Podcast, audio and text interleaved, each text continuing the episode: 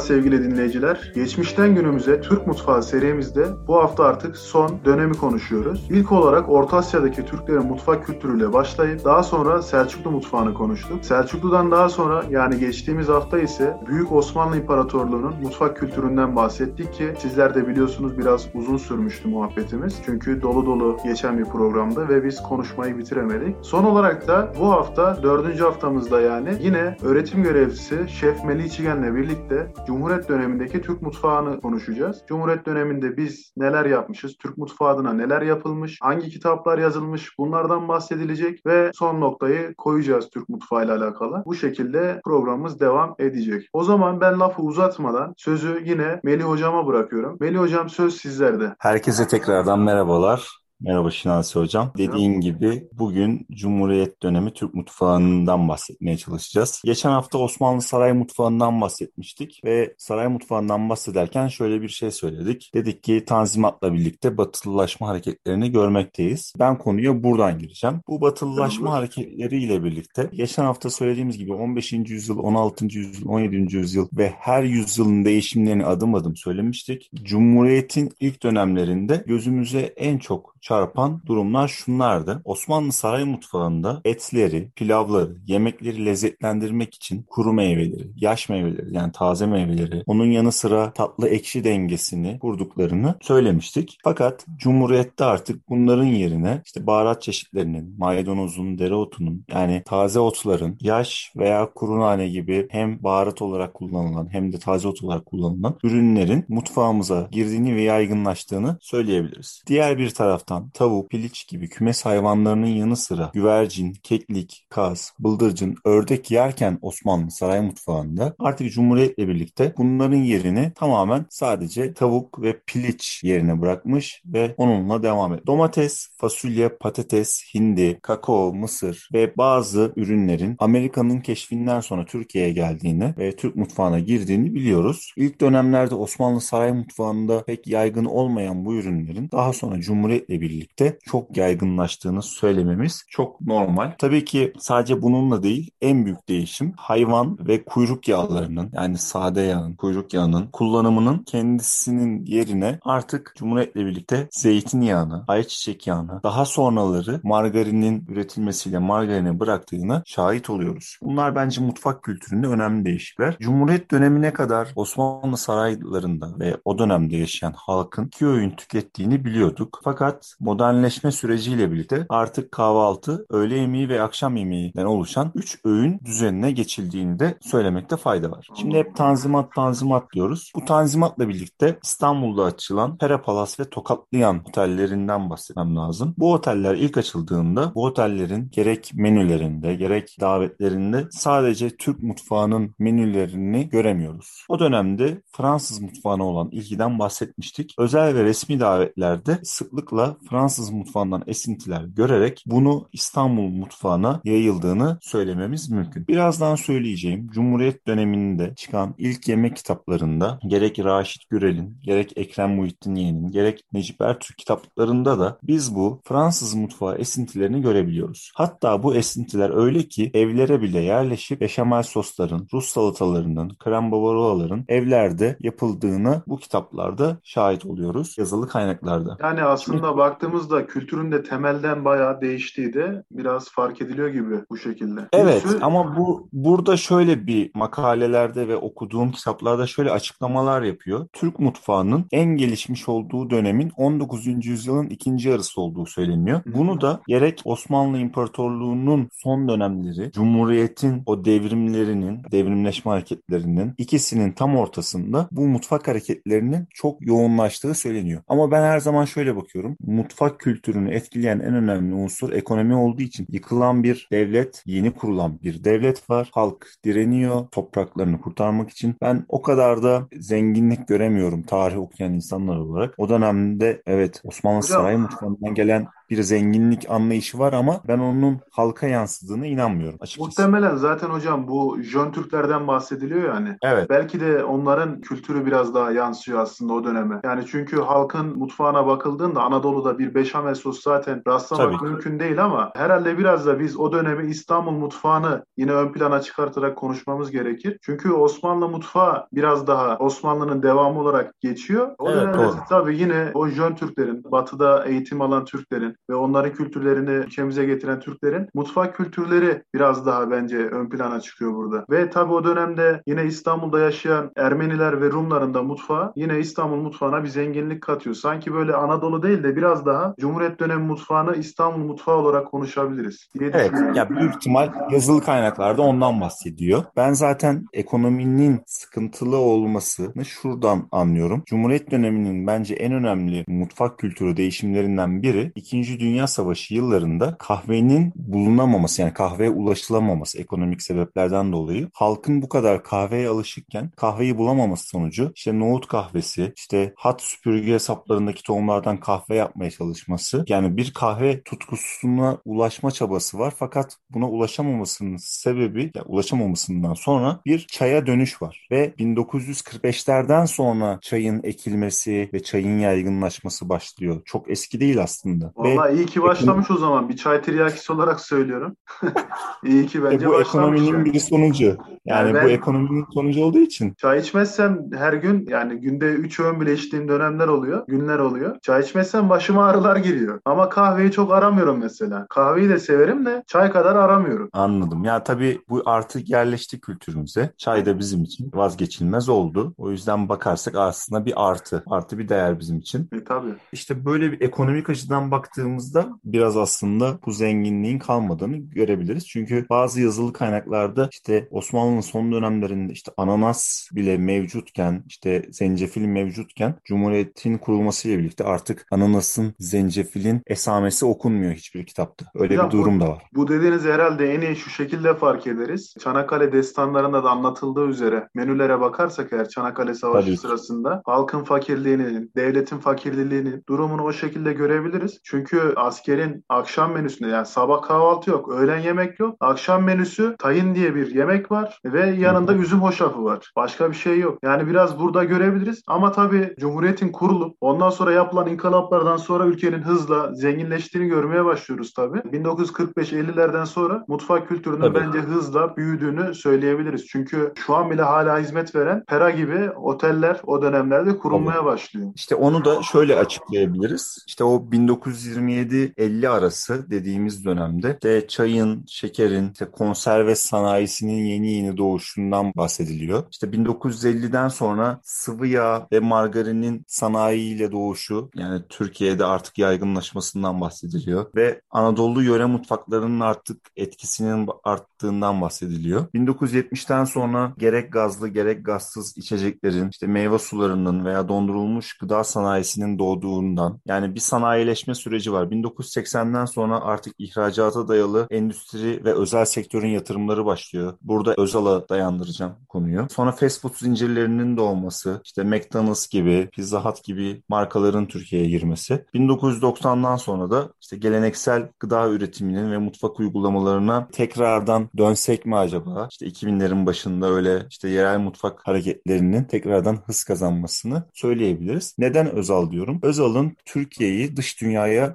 açması, dış dünyaya dönmesi ve her türlü artık yiyecek ithalatının ve fast food zincirlerinin Türkiye'ye gelip çoğalması o dönemde başlıyor ve Türk mutfağının artık küreselleşmeye gittiğini görebiliyoruz. Özal'la birlikte. Ama bizim aslında Cumhuriyet dönemiyle al- alakalı dikkat etmemiz gereken bence en önemli konu Türk halk mutfağını incelemek. Türk halk mutfağı nedir? Türk halk mutfağı bence en zengin mutfaklardan biridir. Sebebi şu, 7 farklı coğrafi bölgeden oluşmaktadır ve her bölgenin kendine ait bir özgü karakteri vardır, bir resmi vardır. Evet yani bu mesela çok uzun bir konu yani 7 ayrı bölgeyi daha sonra işleyebiliriz. Marmara bölgesi, İç Anadolu, Evet. Karadeniz, Ege, Akdeniz, Güneydoğu Anadolu ve Doğu Anadolu. Seyircilerimize sürpriz olsun o zaman. Çünkü Türk Mutfağı serisini konuştuktan sonra sıradaki yapacağım seri 7 bölge olacaktı. Yani bunu seninle yapmaktan da şeref duyarım hocam. Normal şartlarda yalnız yapmayı düşünüyordum ama Evet. bunu seninle yapmaktan şeref duyarım. 7 bölgeyi hatta bölgeleri bile böyle 1-2 haftaya bölerekten yapabiliriz. Çünkü Marmara mutfağına baktığımız zaman 3'e bölünüyor. Tabii. Trakya, Hünkar Mutfağı ve Güney Marmara bölgesi olarak 3 şekilde ele alabiliyoruz mesela Marmara mutfağını. Kesinlikle. Zaten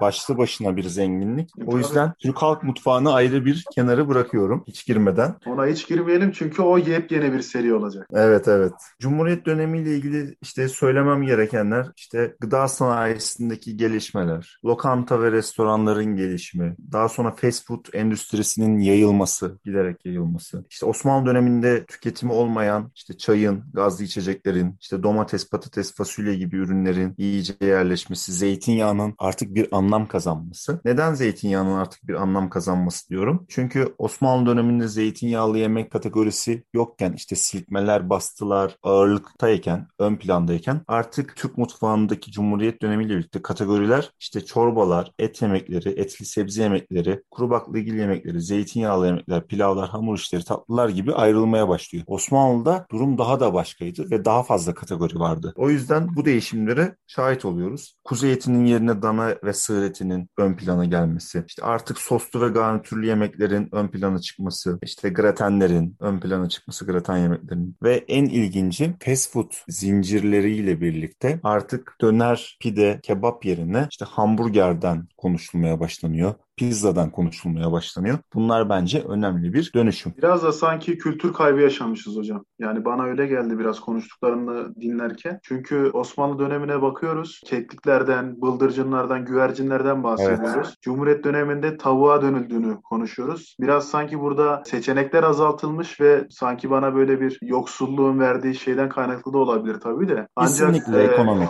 Fast food kavramının ülkeye yerleşmesi bence Türk mutfağının büyük anlamda kültür kaybına uğradığını gösteriyor. Çünkü fast food bizim birçok yemeğimiz varken özellikle tencere yemekleri varken fast food yemeklerin ortaya çıkması sanki biraz özellikle Anadolu'daki o özel yemeklerin kaybolmasına sebebiyet vermiş. Birazdan gireceğim konu bununla alakalıydı aslında. Ama iyi ki söyledin. Ya şimdi şöyle bir şey var. Tabii Birinci Dünya Savaşı, İkinci Dünya Savaşı, işte büyük buhranlar yani hem dünyada yaşanan ekonomik problemler hem Türkiye Cumhuriyeti'nin yeni kurulması bunları normal karşılıyorum aslında ki artık 2000'den sonra senin de bildiğin gibi şu anki Türk mutfağına olan ve yerelliğe olan ilginin artması çok memnun edici. İnsanlar artık özüne dönmeye başladı ve sahip çıkmaya başladı. Yani Ama son- belli bir süre böyle 30-40 sene o sarsıntıyı yaşamışız belli yani dediğin gibi.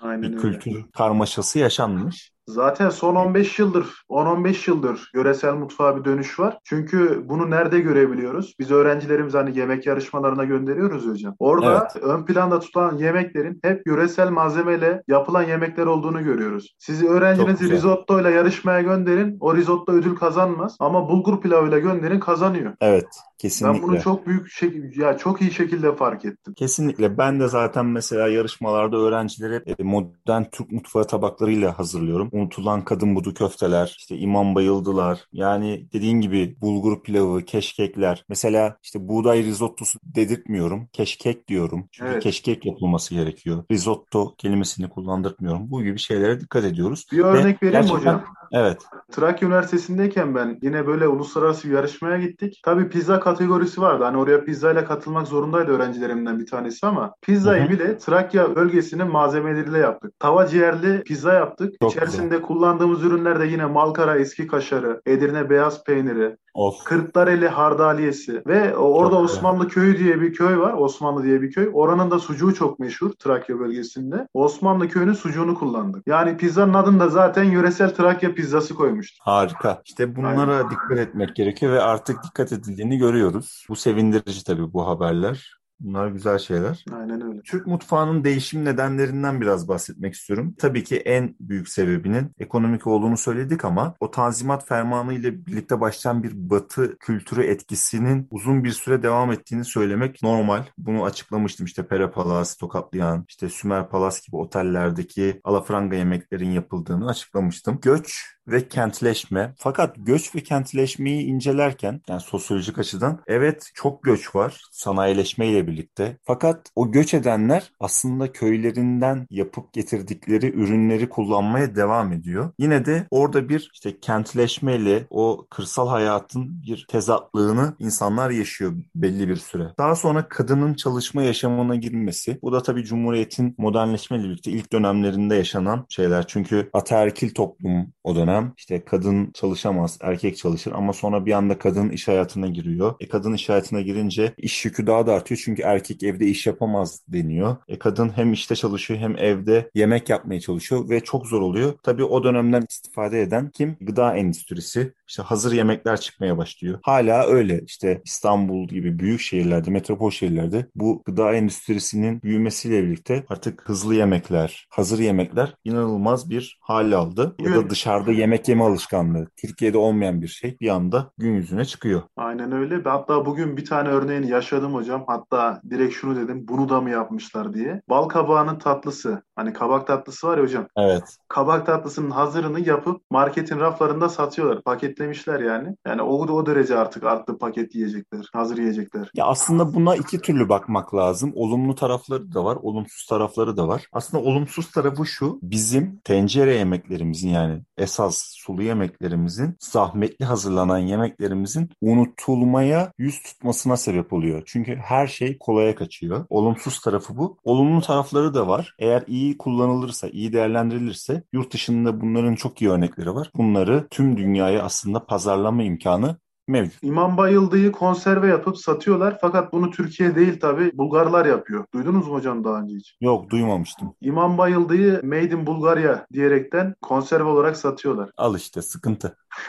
Daha sonra değişim nedenlerinden işte kitle iletişim araçlarının etkisi. Bu aslında modern çağın, günümüzün en büyük problemlerinden biri. Bu da uzun bir konu. Ama Cumhuriyet'in ilk yıllarına dönecek olursak yani 1950'lerden sonraya bakacak olursak işte radyolarda, gazetelerde, televizyonlarda, televizyonlar daha sonra geliyor ama o dönemde radyo ve gazetelerin reklamlarında, sloganlarında insanların beslenme ve yeme alışkanlıklarını değiştirebilecek sloganların atıldığını o dönemin reklamlarından tahmin edebiliyoruz. Bu adeta gıda sektörüne ve insanların beslenmesine yön veren bir şey. Günümüzde daha da felaket. Instagram gibi sosyal medya araçlarının yani mutfak kültürünü yönlendirmesi tam bir ip cambazlığı gibi. O yöne de gidebilir, bu yöne de gidebilir. Yani pozitif de olabilir, olumlu da kullanabiliriz, olumsuz da olabiliyor. Daha sonra gıda endüstrisindeki gelişmelerin etkisi. Bunu söylemiştik zaten margarinin üretimi. Yani tereyağından, sade yağdan, kuyruk yağından vazgeçip margarin tüketiminin öne sürülmesi gibi bu ilk başlayan durumlar. Bunlara birçok örnek verilebilir. Fast food etkisi, fast food'un işte hızlı yemek etkisi özellikle 1980'li yıllardan sonra kolay tüketilebilen, hızlı, ayaküstü beslenme denilen bir akımın başlaması. Tabii artık bununla da ilgili çözümler üretiliyor. İnsanlar düşünüyor, sağlıklı fast food akımları çıkıyor. Ama işte bu bizim geleneksel tencere yemeklerimizin hep arka plana itilmesinin bir etkisi. Ve Türkiye'nin olmazsa olmazı turizm, bacasız sanayi. Gerçekten turizmin etkisi çok önemli. Gerek Türk mutfak kültürünü dünyaya tanıtmada, gerekse Türkiye iç pazarda aslında yön veren en önemli yer turizm. Peki o konuda nasıl aslında sıkışıklık yaşıyoruz? Bence en büyük sıkışıklık uluslararası zincir işletmelerin kendi menülerini uygulamak istemeleri ve menülerin hep dünya mutfağı üzerinden ilerlemesi. Türk yemeklerinin tencere yemeklerinin tüketime hazır durumda olamaması ya da sipariş anında hazırlanamaması gibi bazı alakarta uygunsuzluk dedikleri sıkıntılar sebebiyle hep uluslararası ürünler seçilmesi. İnsanların biz zaten evde bu yemeği yapıyoruz, dışarıda da mı bu yemeği yiyeceğiz mantalitesinden yola çıkarak hep farklı yemek yapma gereği duyulması gibi birçok sebep aslında turizmin Türk yemeklerini bir kenara koyup işte o batılılaşmayla olan alafranga yemekleri gün yüzüne çıkarmasından bahsedebiliriz. Ancak şöyle üzücü bir nokta daha var hocam. Onu da ben söylemek istedim. Sözünü bölerek kusura bakma. Biz hani yine de Türk mutfaklarından örnekler koyuyorlar. Hani lahmacun gibi, pide gibi ancak onların bile ismini biz yabancı turistlere telaffuz ederken onların diline çevirmeye çalışıyoruz. Böyle de bir eksikliğimiz, hatamız var. Yani ben dünyada mutfağımızın bilinmemesinin başlıca sebeplerinden biri olarak da bunu görüyorum. Mesela lahmacuna Türk iş pizza diyenler, işte mantıya Türk iş ravioli diyenler. Çok duydum piyasada, sektörde. Bu da bizim için bence Türk mutfağı için kanayan bir yara. Sen nasıl Kesinlikle. düşünüyorsun bilmiyorum. Yani bu çok büyük bir sorun. Yani Turkish pizza diyeceğinize lahmacun deyin. İnsanların beynine onu kazımak lazım. Yani Türkiye'de Turkish pizza yedim diyeceğine lahmacun yedim. Dediğin gibi ravioli diyeceğine mantı yedim demesi bizim mutfağımızı daha da üst seviyelere taşıması için en önemli etken. Ya zaten Ee, turistin de duymak istediği o zaten hocam. Adam pizzayı zaten biliyor.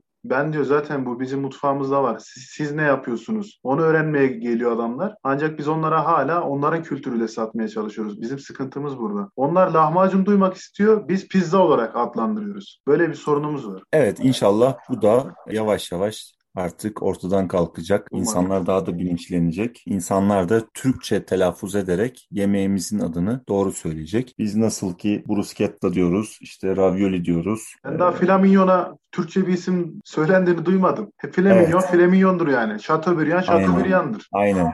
O yüzden onlar da e, Türkçesini söylemeye alışacak. Bu kadar basit. Aynen öyle. Hocam benim Cumhuriyet dönemi Türk mutfağı ile ilgili söylemek istediklerim bu kadar aslında. Aklıma gelenler. E, Tamam Dediğim hocam gibi Türk halk son bir mutfağı toparla. Türk halk mutfağı 7 coğrafi bölgeden oluştuğu için onu daha sonra işlersin, işleriz, bakarız duruma göre. Fakat bu dönüşümü Osmanlı işte mutfak kültüründen sonra Cumhuriyet dönemi Türk mutfağının dönüşümünü biraz sancılı bulduğumu dile getirmek isterim. Fakat yine de iyi atlattık bu süreçte. Evet. Olumlu şeyler de oldu. Kültürümüze giren veya kültürümüzden maalesef unutulan ürünler de oldu. İşte mesela çay örneğindeki gibi aslında olumlu bir şey. Kültürümüze yeni bir şey kazandırmış olduk. Evet Türk kahvesi de içiyoruz şu an. Yine kahveye ilgi çok fazla arttı son 10 yılda ama çayın yerini tutamadı. Çay da halen daha devam ediyor. Bunlar gibi olumlu şeyler de var. Umarım daha da güzel yerlere gelecek mutfağımız. Ben şunu derim hocam her zaman. İnsan yani bir ülke bence içine kapanmamalı hiçbir zaman. Yani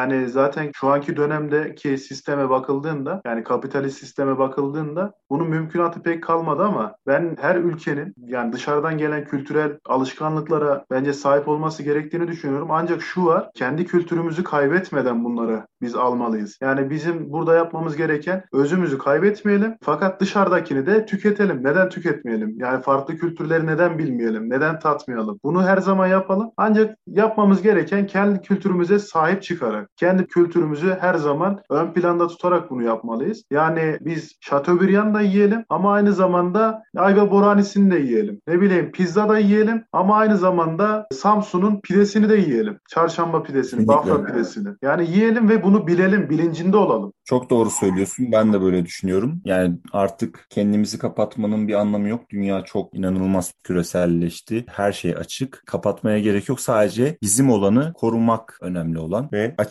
perspektiften bakabilmek önemli olan. Ben yine beni davet ettiğin ve birlikte bu sohbeti gerçekleştirdiğimiz için teşekkür ederim. Hem dinleyicilerine hem sana. Umarım onlar da çok keyif almışlardır. Bir nebze de olsa faydamız dokunduysa ne mutlu bize. Vallahi hocam aynı şekilde ben sana teşekkürlerimi iletiyorum. Çünkü 4 seri boyunca bize çok büyük yardımın oldu. Senin engin bilgilerinden çok güzel bir şekilde faydalandık. Hatta sonuna kadar faydalandık. 4 hafta boyunca çok keyifli bir seri oldu bence. Ben çok keyif aldım. Keza sen de çok keyif aldığını düşünüyorum ki dinleyicilerimiz de mutlaka büyük keyif almıştır. Bu şekilde Türk mutfağına son noktayı koydum. Ağzına sağlık diliyorum. Eğer söyleyeceğim başka bir şey varsa hocam son sözünü alalım sonra programı kapatalım. Mutlu ve lezzetle kalın diyorum. Kendinize iyi bakın. Hoşçakalın. Ne güzel söyledin hocam. Bizi dinlediğiniz için çok teşekkür ediyoruz. 4 haftalık bir seriye son noktayı koyduk. Önümüzdeki haftalarda farklı bir seriyle yine karşınızda olacağız. Melih hocama çok teşekkür ediyorum bu seride bana yardımcı olduğu için. Bizi dinlemeye devam edin, takipte kalın. Lezzetli dinlemeler diyorum ve programa son noktayı koyuyorum.